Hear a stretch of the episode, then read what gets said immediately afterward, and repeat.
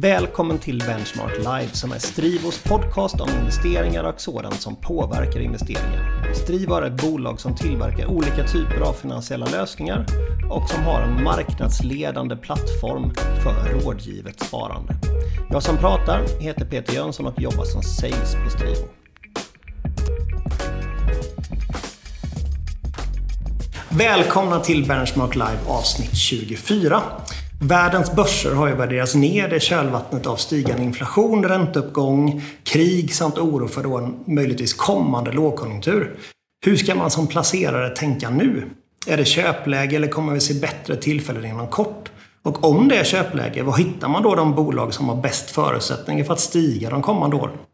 För att ta något slags fågelperspektiv över aktiemarknaden så har vi idag ett kärt återbesök i form av förvaltarna till en extremt framgångsrik globalfond, nämligen eh, förvaltarna till Coeli Global Select och då Andreas Brock och Henrik Milton. Så vi säger återigen välkomna till Benchmark Live. Tack så mycket. Tack så mycket. Har ni haft en härlig sommar? Ja, vi måste säga att det har ju varit eh, varmt och skönt och jag har blandat eh, måla huset, bad, resor och läsa kvartalsrapporter. Det har varit min sommar.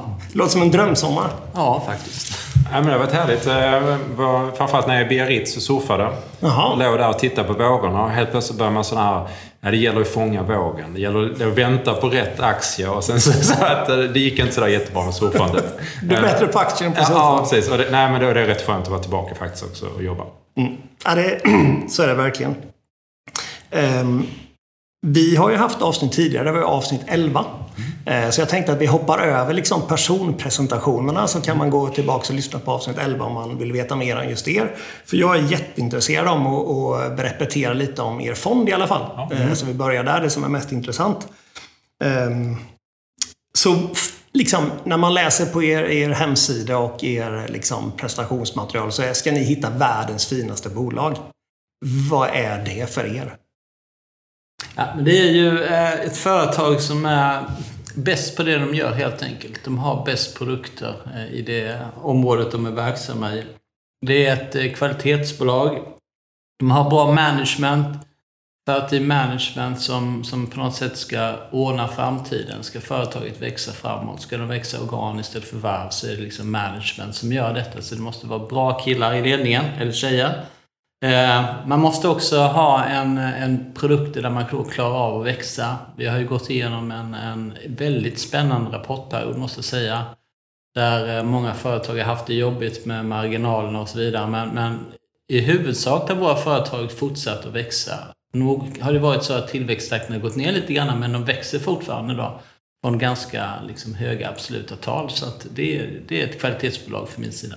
Och vad vi menar med världens finaste bolag, det är ju liksom, vi pratar alltså exceptionell kvalitet. Ehm, jag tror jag har räknat ut att jag tror jag har gjort över tusen möten med företag runt om på jorden. Allt från eh, Kanada till Australien till Japan till Brasilien. Liksom. Och ganska snabbt så inser man att världen är bra på olika saker.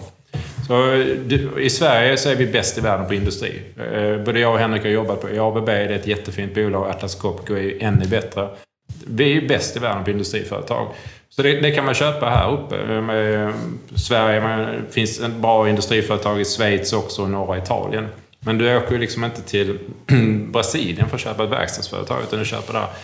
Mm. Likaså lyx, om du tänker så här, lyx, kosmetik. Det, det finns ju inte några bra företag för det i Sverige. Däremot i Frankrike, där de har haft lyx som nummer ett sedan Louis den XIV, liksom på 1700-talet.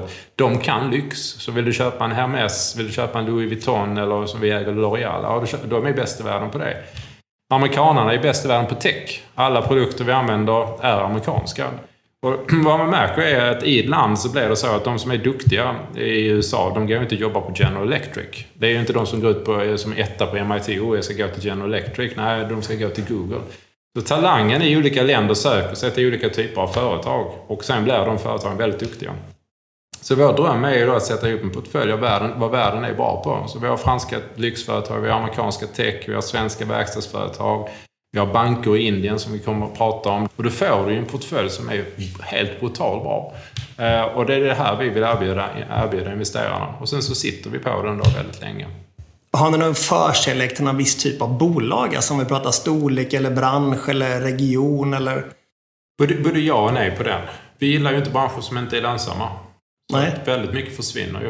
Um, vi har inga flygbolag, kommer alla äga flygbolag. Vi har inga paper and pulper. Eh, vi har inga stålföretag. Det är bara, bara att skippa det liksom. Eh, vi gillar inte heller länder som inte, eh, där, där det är väldigt svårt att investera. Vi har ju noll, noll i Afrika idag. Vi har väldigt svårt att hitta liksom. För att, så att du hamnar ju ofta, vi brukar överdriva de här välskötta företagen. Vi gillar ju där det är den här entreprenöriella andan är kvar i företagen. Vi brukar skämtsamt säga då liksom, att vi hade jättegärna ägt SKF när grundaren var där. Uh, men när du är liksom åtta, tio generationer väg från grundaren. Det är som Apple.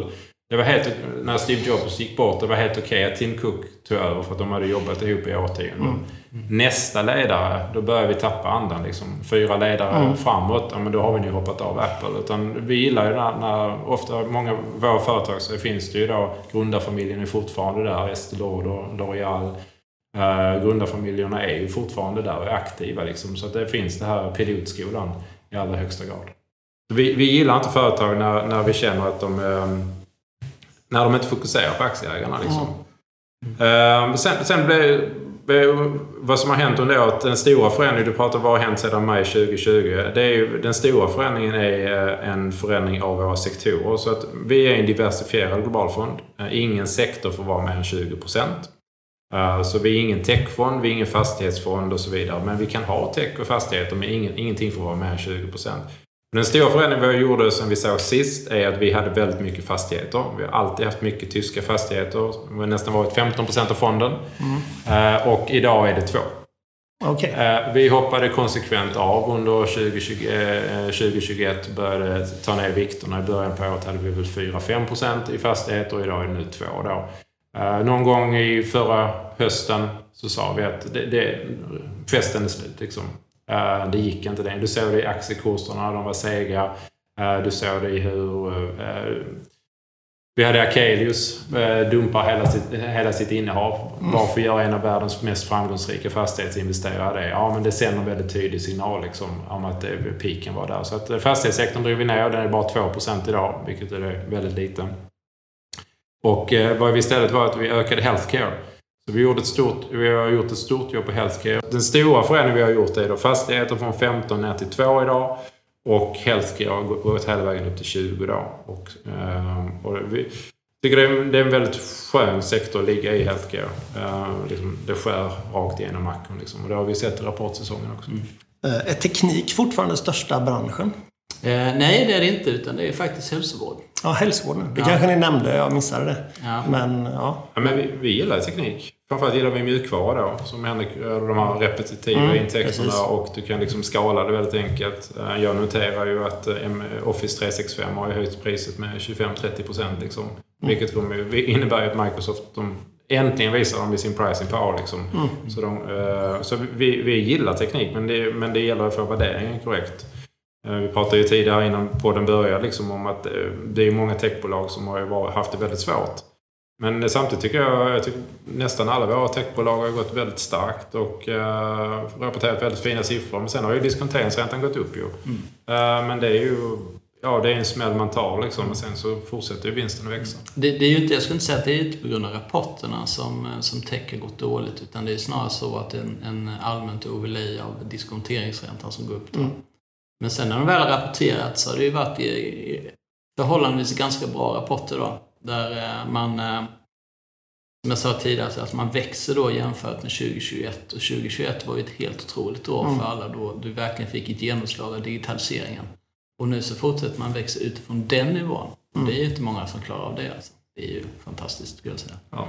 Sen vet jag också att ni har en ny fond. Stämmer. En småbolagsfond. För Coeli Global Select är ju en, bolag, en fond som liksom egentligen riktar sig mot de större bolagen. Stämmer. Eh, berätta lite om den.